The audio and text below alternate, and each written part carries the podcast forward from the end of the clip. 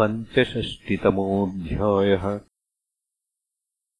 बलभद्रस्य व्रजे गमनम् कालिन्दीकर्षणम् च श्रीशुक उवाच। बलभद्रः कुरुश्रेष्ठभगवान् रथमास्थितः। सुहृद्दिरुक्षुरुत्कण्ठः। प्रययौ नन्दगोकुलम् परिष्वक्तश्चिरोत्कण्ठैर्गोपैर्गोपीभिरेव च रामोऽभिवाद्यपितरावासीर्भिरभिनन्दितः चिरम् नः पाहि दाशार्हसानुजो जगदीश्वरः। इत्यारोप्याङ्कमालिङ्ग्य नेत्रैः शिशिचतुर्जलैः। गोपवृद्धांश्च विधिवद्यविष्ठैरभिवन्दितः यथा वयो यथा सख्यम् यथा सम्बन्धमात्मनः। समुपेत्याथ गोपालान् हास्यहस्तग्रहादिभिः। विश्रान्तम् सुखमासीनम् पप्रच्छुः पर्युपागताः।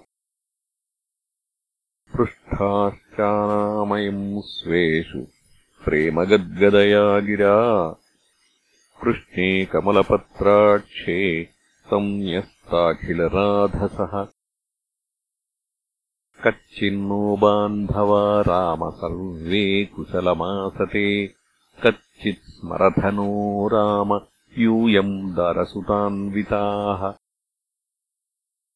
दिष्ट्याकंसो हतः पापो दिष्ट्या मुक्ताः सुहृज्जनाः निहत्य निर्जित्य रिपून् दिष्ट्या दुर्गम् समाश्रिताः।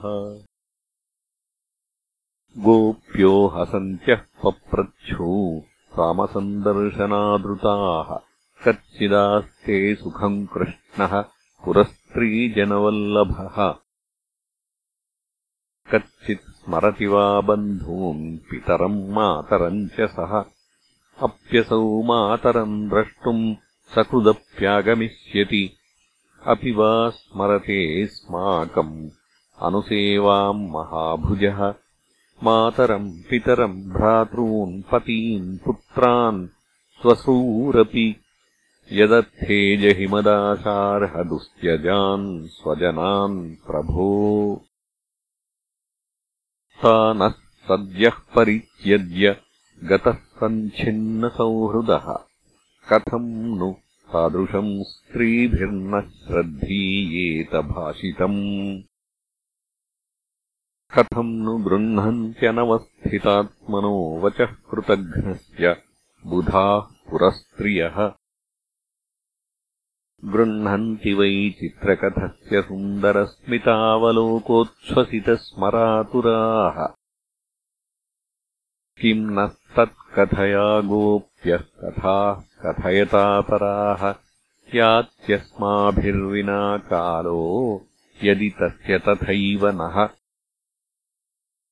इति प्रहसितम् शौरेर्जल्पितम् चारुवीक्षितम्। गतिम् प्रेमपरिष्वङ्गम् स्मरन्त्यो रुरुदुः प्रियः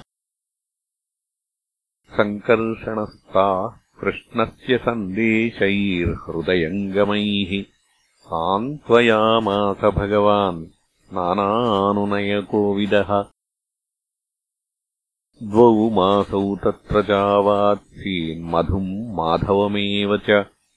रामः क्षपासु भगवान् गोपीनाम् रतिमावहन् पूर्णचन्द्रकलावृष्टे कौमुदीगन्धवायुना यमुनोपवने रेमे सेविते स्त्रीगणैर्वृतः वरुणप्रेषिता देवी वारुणी वृक्षकोटरात् पतन्ती तद्वनम् सर्वम् स्वगन्धेनाध्यवासयत्। तम् गन्धम् मधुधारायाः वायुनोपहृतम् बलः। आघ्रायोपगतस्तत्र ललनाभिः समम् पपौ उपगीयमानचरितो वनिताभिर्हलायुधः वनेषु व्यचरत् क्षीबो मदविह्वललोचनः। स्रग्व्येककुण्डलो मत्तो वैजयन्त्या च मालया बिभ्रत्स्मितमुखाम्भोजम् स्वेदप्रालेयभूषितम् स आजुहावयमुनाम् जलक्रीडार्थमीश्वरः। निजम् वाक्यमनादृत्य मत्त इत्यापगाम् बलः। अनागताम् हलाग्रेण कुपितो विचकर्षः।